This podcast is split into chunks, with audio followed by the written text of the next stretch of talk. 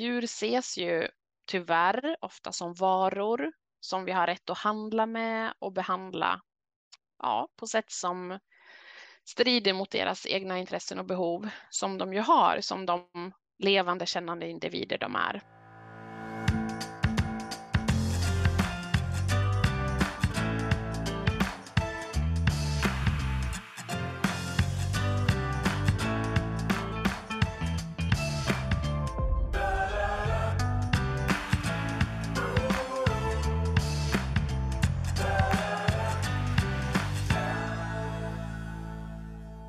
Lyssnar på Djurens Rätts podcast på Djurens Sida. Och det här är Djurens Rätts podd. Men vilka är då Djurens Rätt? Djurens Rätt arbetar globalt för att göra skillnad för de djur som är flest och har det sämst. Det har vi gjort sedan 1882. Med våra målinriktade kampanjer, företagssamarbeten och politiska påverkansarbeten är vi en av världens ledande djurrätts och djurskyddsorganisationer med fler än 50 000 medlemmar i Sverige. Vi fyller alltså 140 år i år och vi är helt finansierade av Djurens Rätts medlemmar. Så stort tack till dig som är medlem och gör vårt arbete för djuren möjligt. Varmt välkomna till ett nytt avsnitt av På djurens sida. Jag som pratar heter Linn Åkesson och jobbar som kommunikationschef hos Djurens Rätt. I dagens avsnitt så har jag bjudit in Linda Björklund, sakkunnig etolog hos Djurens Rätt, för att prata om de fruktansvärda djurtransporterna som äger rum varje dag året runt för djuren i djurfabrikerna. Och vi har även tagit in lite erfarenheter och reflektioner från er lyssnare via sociala medier som vi också kommer att prata kring. Men innan vi drar igång är det dags för djurrättssvepet.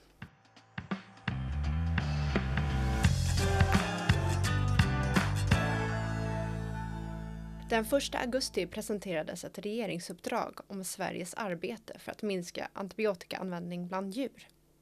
Utredningen ger förslag på åtgärder, men Djurens Rätt anser att det saknas kritik mot djurfabriker och att en förbättring i djurskyddet behövs för att komma till rätta med risken för antibiotikaresistens på riktigt.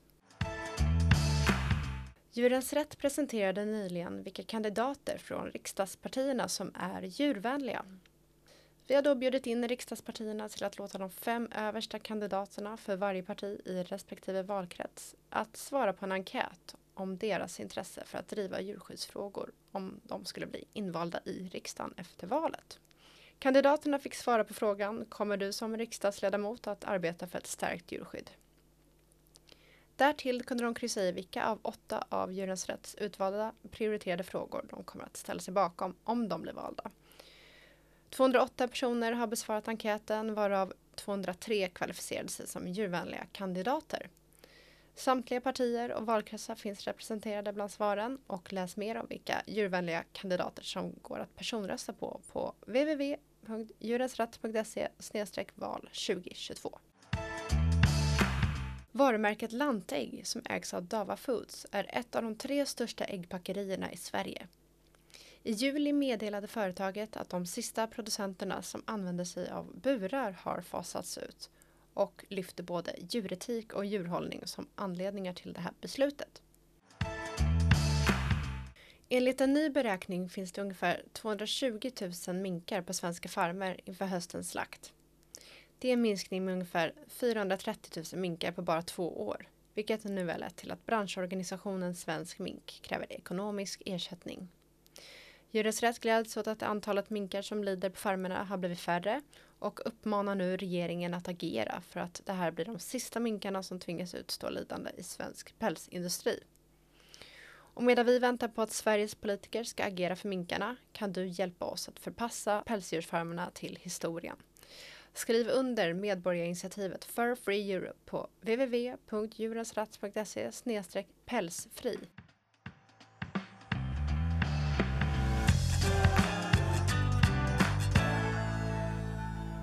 Nu har det blivit dags för mig att hälsa välkommen tillbaka till Linda Björklund. Hej Linda och välkommen tillbaka till podden. Hej, tack så mycket. Kul att ha dig tillbaka. Eh, vill du först berätta för lyssnarna vad ditt jobb som sakkunnig etolog hos Djurens Rätt innebär? Ja, men det vill jag. Jag jobbar ju tillsammans med eh, flera sakkunniga i Djurens Rätts samhällspolitiska enhet. Vi är två etologer där eh, och jag är en av dem jag tar fram eh, faktaunderlag och andra texter i vårt arbete. Svarar på remisser som har med djurskyddslagstiftning att göra, bland annat. Och så representerar jag djurens rätt i olika sammanhang i en del olika arbetsgrupper, bland annat inom eh, vårt eh, internationella arbete. Vi är ju medlemmar i Eurogroup for Animals, djurens rätt alltså. Och några, om jag ska nämna några områden som jag har mycket fokus på just nu i mitt arbete så är ju det eh, fiskarna, eh, EUs djurskyddslagstiftning. Den ses ju över nu av eh, e EU-kommissionen. Det kommer vi komma in lite mer på tror jag idag när vi pratar djurtransporter. Och eh, frågor som handlar om eh, djurskydd vid slakt är också någonting som jag jobbar en hel del med. Ja, men Härligt. Eh, och ja, men som du nämner då så ska vi dyka ner i ett ämne idag som jag vet engagerar väldigt många och det är ju nämligen de plågsamma djurtransporterna som drabbar ofattbart många djur i djurfabrikerna varje dag året runt. Vill du först Linda berätta för lyssnarna vad är det som är så problematiskt med de här transporterna? Ja, först och främst så är det ju så att när djur ska transporteras så görs ju det sällan för att det ligger i djurets eget intresse, för att det är det allra bästa för djuret att göra. Eh, djuren ska ju ofta flyttas då till ett slakteri eller så är det till en annan plats där de ska eh, fortsätta att födas upp för att slaktas vid ett senare tillfälle. Och den här transportsituationen den är helt ny för djuren, eh, vilket ju är stressande i sig. Det finns ofta en tidspress när det handlar om djurtransporter, vilket gör att man ofta kompromissar med djurens behov. Det får inte ta den tid som det kanske skulle behöva göra om man tog mer hänsyn till djuren, till exempel vid ilastning, eh, när djur lastas in eller packas in på transporten. Och det är ju så att eh, den ekonomiska aspekten spelar såklart roll också. Tid är ju pengar här i det här sammanhanget. Sen är det, är det också så att all trafik innebär ju alltid någon slags risk. Eh, det händer ju olyckor i trafiken, det kan bli oväntade väntetider och annat. Och i en djurtransport så blir ju konsekvenserna snabbt väldigt allvarliga när det händer sådana saker. Och det är ofta oerhört många individer som drabbas, djuren som är i transporten. Eh, stressen kan bli väldigt stor. Det kan bli alldeles för varmt eller för kallt beroende på årstid när det inträffar saker i, i transporterna. Och vill du beskriva hur ett djur i livsmedelsindustrin har det under en transport? Om vi ska sätta oss in i djurets perspektiv. Mm. Ja, men det är viktigt att komma ihåg att som jag sa, den här transportsituationen eh, är för djuret ingenting som hör till vardagen. Det, det är en ny situation. Det är någonting som händer bara en gång eller bara några få gånger i djurets liv. Det är ingenting som djuret är van vid och tryggt med eh, den här situationen. Först har vi ju själva ilastningssituationen eh, som tillsammans med avlastningen vid ankomst då dit djuret transporteras hör till eh, de mest stressande momenten. Eh, särskilt om djuren blandas med individer som de inte känner igen sedan tidigare. Det är många nya det dofter, ljud. Lastbilen kränger när den rör sig på kurviga eller guppiga vägar eller så i trafiken. Eh, värme, kyla, eh, lång tid utan mat och vatten och eh, skaderisker. Sen är det ju så att eh, många djur är ju också i dåligt skick när de ska transporteras och då tänker jag särskilt på hönorna i äggindustrin Eh, och suggorna också i grisindustrin. De här så kallade uttjänta djuren, de som inte ses som lönsamma längre att ha kvar i produktionen, som då ska skickas till slakt. Eh, och då ska de också då, innan de slaktas, utsättas för en påfrestande transport eh, i det skicket som de är i. Men också kycklingarna, ehm, de är ju bara omkring fem veckor när de skickas till slakt, eh, men har redan då många av dem har väldigt ont eh, av den här snabba tillväxten som de har eh, i industrin. Så de är utsatta på många olika sätt eh, i samband med djurtransporter. Usch, det låter fruktansvärt. Eh, och om vi tittar på transporttiden då, hur länge får ett djur transporteras i Sverige? I Sverige så finns eh, gränsen åtta timmar. Eh, sen finns det undantag som gör att om det tar längre tid att komma fram till det närmaste slakteriet så får den tiden förlängas med högst tre timmar. Och när det gäller fåglar som kycklingar och hönor, då får transporttiden vara som högst eh, 12 timmar. Det rapporteras ju återkommande om djur som far illa i transporterna och skandalerna avlöser varandra. Bara nu senast i somras så var det en lastbil med 100 grisar som välte där flera av grisarna dog till följd av skadorna.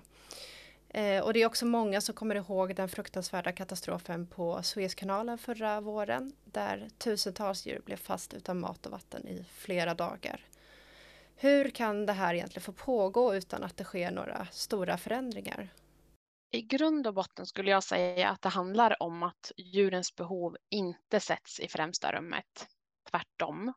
Eh, djurskyddsfrågorna prioriteras oftast ner. Djur ses ju tyvärr ofta som varor som vi har rätt att handla med och behandla ja, på sätt som strider mot deras egna intressen och behov som de ju har som de levande kännande individer de är. Och hittills Eh, så har det generellt sett eh, saknats politiskt mod skulle jag säga och beslut eh, som skulle kunna ha satt stopp för det här lidandet för länge sedan. Därför kan det fortfarande pågå. Och det här gäller ju, är viktigt tycker jag att poängtera, både i Sverige och internationellt. Djur transporteras ju långt under lång tid eh, och utsätts för stress och de här skaderiskerna som finns i samband med transporter också i Sverige. Eh, inte bara i andra länder, även om vi ofta pratar om eh, e EU-nivån och EU-lagstiftningen eh, när vi pratar om djurtransporter. Men det är viktigt att veta att omkring 200 000 djur, de flesta är kycklingar och de djuren eh, dör i samband med transport till slakt varje år eh, bara i Sverige. Mm. Ja, det är en fruktansvärd siffra. Går inte ens att ta in. Mm, nej, det är oerhört många individer och eh, jag tror inte att vi skulle acceptera det om det vore ett annat djurslag än kycklingar också. Om det vore 200 000 eh, kor eller grisar som, som själv dog i samband med djurtransporter i Sverige varje år så skulle det vara, ha satts in andra åtgärder mot det för länge sedan. Men eh, synen på kycklingar eh, gör att det här ses, ja men det accepteras. Det är någonting som, det görs inte tillräckligt mycket för att komma till rätta med det. Nej. Ja, det är som att de förbises liksom, som att de inte räknas som, som djur. Mm. Ja, men det här låter ju väldigt dystert. Eh, har det skett några framgångar när det kommer till att förhindra de här plågsamma djurtransporterna? Ja, det har det gjort. Eh, på EU-nivå så är ju nu äntligen djurtransportfrågan på den politiska agendan som den inte har varit förut skulle jag säga. Eh, och det är den ju i och med att det pågår nu en stor eh, översyn av eh, den djurskyddslagstiftning som finns på EU-nivå och där ingår djurtransportreglerna. De ska ses över nu och det är under nästa år, 2023, som EU-kommissionen ska presentera förslag på ny djurskyddslagstiftning. Så tillsammans med andra djurrätts och djurskyddsorganisationer på EU-nivå så jobbar ju Djurens Rätt nu allt vi kan för att den här nya lagstiftningen eh, ska bli bättre än den vi har idag. Att den ska utgå mer från djuren och inte kompromissa eh, med deras välfärd så som verkligheten och lagstiftningen ser ut idag. Motståndet är stort. Det finns eh, starka krafter med ekonomiskt intresse av att djurtransporterna ska kunna fortsätta som hittills. Så är det. Men eh, det, det är verkligen positivt att eh, den här frågan är på tapeten äntligen nu. Ja men verkligen. Eh, och ja, men under sommaren så samlades ministrar från EUs medlemsländer för att bland annat diskutera djurtransporter i EUs jordbruks och fiskeråd. Och där bland annat så var ju Sveriges nuvarande landsbygdsminister Anna-Karin Säterberg på plats. Eh, vad var det som diskuterades på det här mötet? Då diskuterades vad som är viktigt att ha med i den här kommande nya djurtransportlagstiftningen.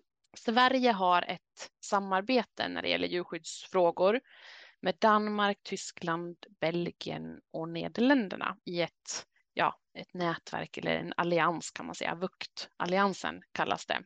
Eh, och det har att göra med att eh, det bildades eh, i, i i Nederländerna. Eh, och inför det här mötet så hade de länderna tillsammans tagit fram en skrivelse, eh, ett slags eh, positionspapper om vad de tycker är viktigt att beakta i översynen av just djurtransportreglerna. Och under en punkt på det här mötet då, den 18 juli nu i sommar, så var det här positionspappret uppe för diskussion. Ja, men hur har Djurens Rätt jobbat inför mötet? Vi har jobbat för att eh, Sverige ska ta tydlig ställning eh, och arbeta för en stark djurtransportlagstiftning på EU-nivå. Och det här är ju arbete som har pågått i jättemånga år. Eh, djurtransportfrågan har varit aktuell. Men nu senast då så deltog vi bland annat i den internationella kampanjdagen End Live Exports den 14 juni eh, tidigare i sommar eh, då vi uppmanade landsbygdsminister Anna-Karin Zetterberg att på det här mötet 18 juli eh, som var med EUs jordbruks och fiskeråd att då Sverige skulle ge sitt stöd för en skärpt lagstiftning. Och vi har ju då inför det här varit väldigt tydliga med vad som behövs, bland annat så vill vi se ett förbud mot export av djur till länder utanför EU. Och vi vill se en eh, maximal tillåten transporttid på åtta timmar. Eh, kortare för eh, kaniner och fåglar, fyra timmar ska det vara där för de djuren. Vi kontaktade ministern och vi uppmärksammade frågan och den här kampanjdagen i en debattartikel bland annat och också i våra sociala medier. Och hur blev utgången då? Är vi nöjda med det som ministrarna landade i på det här mötet? Både ja och nej eh, är mitt svar där. För att eh, det är jättebra att Sverige tillsammans med de här andra samarbetsländerna tar tydlig ställning i den här gemensamma skrivelsen och ger sitt stöd också då under det här eh, ministermötet. Och delar som vi särskilt uppskattar att de tar upp Eh, det är eh, behovet av att transporter av levande djur ersätts med transporter eh, av kött och genetiskt material. Alltså att man på sikt ska ersätta djurtransporter. Det är bättre att transportera kött istället eller ja, genetiskt material när det handlar om djur som transporteras i avelssyfte. Det, det tar de upp i den här skrivelsen att de ser att det behöver. Det är, jätte, det är verkligen bra. Och de tar också upp att det behövs en maxtid på åtta timmar för transport av djur till slakt, vilket också är bra. De tar upp flera delar också, men det här var, det här var två exempel som vi särskilt uppskattar. Sen om man ska gå in på saker som hade kunnat varit eh, där vi gärna hade sett att de hade gått eh, längre och varit mer tydliga. Där handlar det om att det behövs ju en maxtid på åtta timmar Eh, när det gäller transporttid, även vid annan transport av djur än till slakt. Ehm, så det hade varit bra om den hade varit mer generell då och inte uttryckligen bara transporter till slakt, även om det är en jätteviktig del ju, slakttransporterna. Och likaså för kaniner och fåglar eh, så behöver den här maxtiden vara max fyra timmar. Sen behövs det också ett förbud mot export av djur till länder utanför EU som jag nämnde tidigare. Det här nämner de i skrivelsen, eh, men de säger att det behövs ett sådant förbud eller ett slut på sån export när det gäller de transporterna, exporterna som är särskilt långa. Eh, så är det formulerat nu i skrivelsen. Vi vill se ett generellt förbud mot export av levande djur till länder utanför EU. Och eh, vi vill ju också, hade gärna sett att de uttryckt att det behövs ett förbud mot att transportera unga ej avvanda djur och också dräktiga djur. Där, det räcker inte med mer forskning på det området, eh, vilket är det som länderna då efterfrågar i skrivelsen när det gäller den punkten. Mm. Och vad, vill du bara förtydliga vad ej avvanda djur innebär? Det är unga djur som fortfarande diar. Ah, okay. Som kalvar till exempel. Ja, men eh, det lät ju som att det både var fanns positivt att ta med men också lite mer att arbeta för. Så vad kommer vi att göra nu? Ja, vi kommer ju fortsätta uppmärksamma djurens situation i samband med transporter och vi kommer fortsätta att jobba för att Sverige och andra länder ska ge sitt stöd till det som vi menar behövs eh, för att en gång för alla nu komma till rätta med djurskyddsproblemen kopplade till djurtransporter. Och för att få till tydliga och kraftfulla regler på EU-nivå så krävs det ju att enskilda medlemsländer går före och är tydliga med vad de vill se. Och det är det som behöver hända nu. Eh, Sverige är på rätt väg där skulle jag säga. Det är ett viktigt steg taget nu i och med den här gemensamma skrivelsen som de också har tagit fram. Men det kan bli och det behöver bli ännu tydligare och, och skarpare krav från Sveriges sida. Mm, just det. Och eh, vilka förbättringar eller lagförändringar vill Djurens Rätt ska ske för att motverka lidandet i djurtransporterna nu? I korthet så eh, kan man fatta det som att det är de här punkterna som är viktigast. Ett förbud mot export av levande djur till länder utanför EU. En maxgräns på åtta timmars transporttid, max fyra timmar för kaniner och fåglar. Ett förbud mot att transportera ej avvanda, alltså de unga djuren och dräktiga djur för de där 40 procent av dräktigheten har passerat. En fungerande kontroll behövs för att eh, säkerställa att eh, lagstiftningen eh, efterlevs. Och där behövs det fler oannonserade kontroller också och kännbara konsekvenser när eh, lagstiftningen inte följs. Sen behövs det också ett förbud mot transport av djur om den förväntade temperaturen, utomhustemperaturen, överstiger 25 grader. Och så sen har vi den här punkten som vi också har varit inne på förut, att det behövs åtgärder för att möjliggöra en övergång från transport av levande djur till transport av kött och genetiskt material för avel. Levande djur ska på sikt inte alls transporteras för slakt och för avel.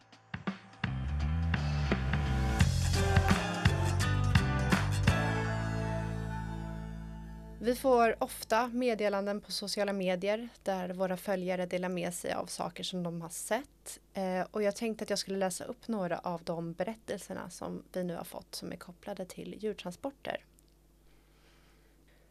Det var en blick från en gris i en transport som fick mig att sluta äta kött för gott. Omöjligt att tugga på. En av grisarna på min djurfristad tros ha hoppats av en transport på väg till slakteriet. Han hittades i någons trädgård och till slut kom han hit till oss. Vår modiga lilla nu stora gris tog ödet i sina egna klövar.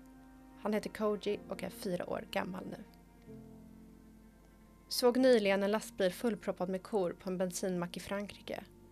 Det var cirka 32 till 33 grader i skuggan. Det kändes som att tårarna aldrig skulle sluta rinna. Där och då bestämde sig tonårsdottern att hon aldrig mer ska äta kött. Jag själv slutade för över 20 år sedan. Såg i somras två lastbilar med grisar stå i kö från Danmark till en färja i Tyskland. Det var 30 grader varmt och på grund av olika omständigheter väntade vi och djuren i nästan tre timmar. Varför transportera djur från ett land till ett annat? Efter den här händelsen blev vi alla vegetarianer i vår familj. För någon vecka sedan fick vi åka ut och avliva grisar som vält med en transport. Så fruktansvärt tragiskt att se dem. Det var första gången de fick känna gräs under sina fötter. Jag grät när jag åkte efter en djurtransport och det var ett viktigt steg till att sluta äta kött.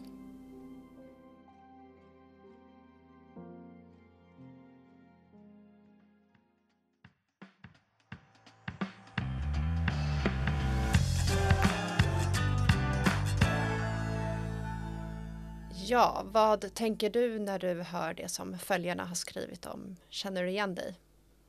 Ja, men det är ju verkligen starka upplevelser som de beskriver eh, och jag blir berörd av det. Jag tänker på djuren och på deras situation och upplevelser alla de gångerna som jag ser en djurtransport ute på vägarna. Jag har också sett djurtransport som stått många timmar i stark värme eh, lastat med djur. Jag har varit med när grisar har lastats på transportbil på väg till slakt. Och det här är ju, ja men det är upplevelser, det är något som jag inte önskar att eh, något djur ska behöva vara med om.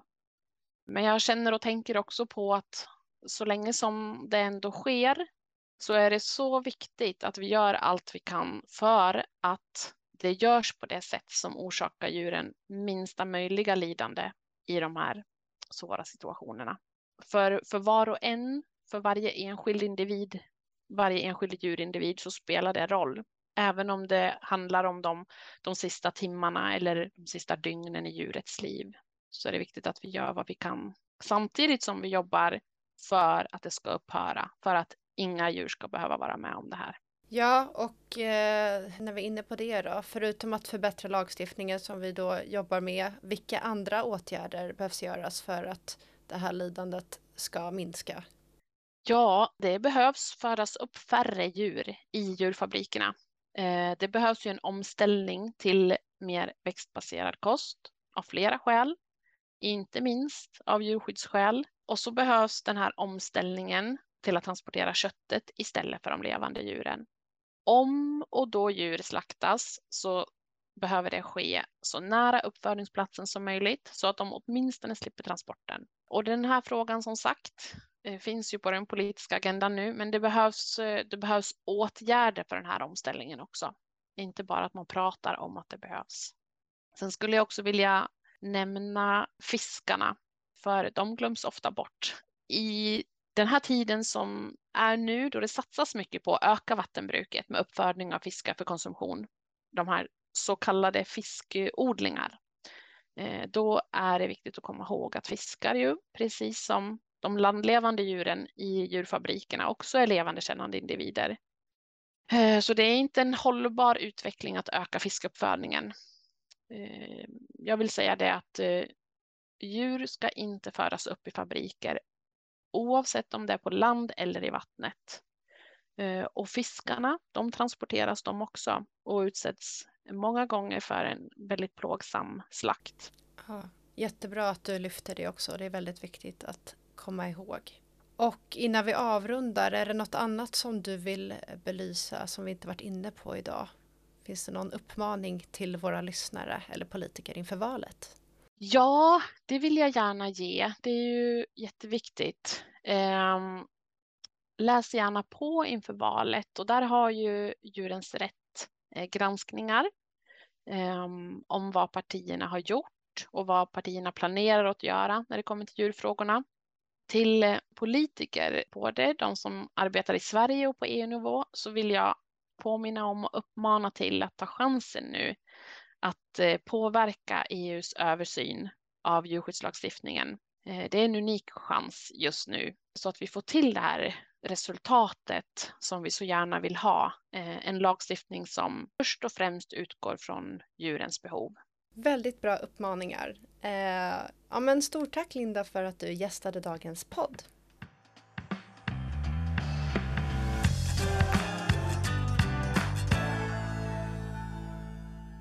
Det var allt vi hade att bjuda på i veckans avsnitt av På djurens sida.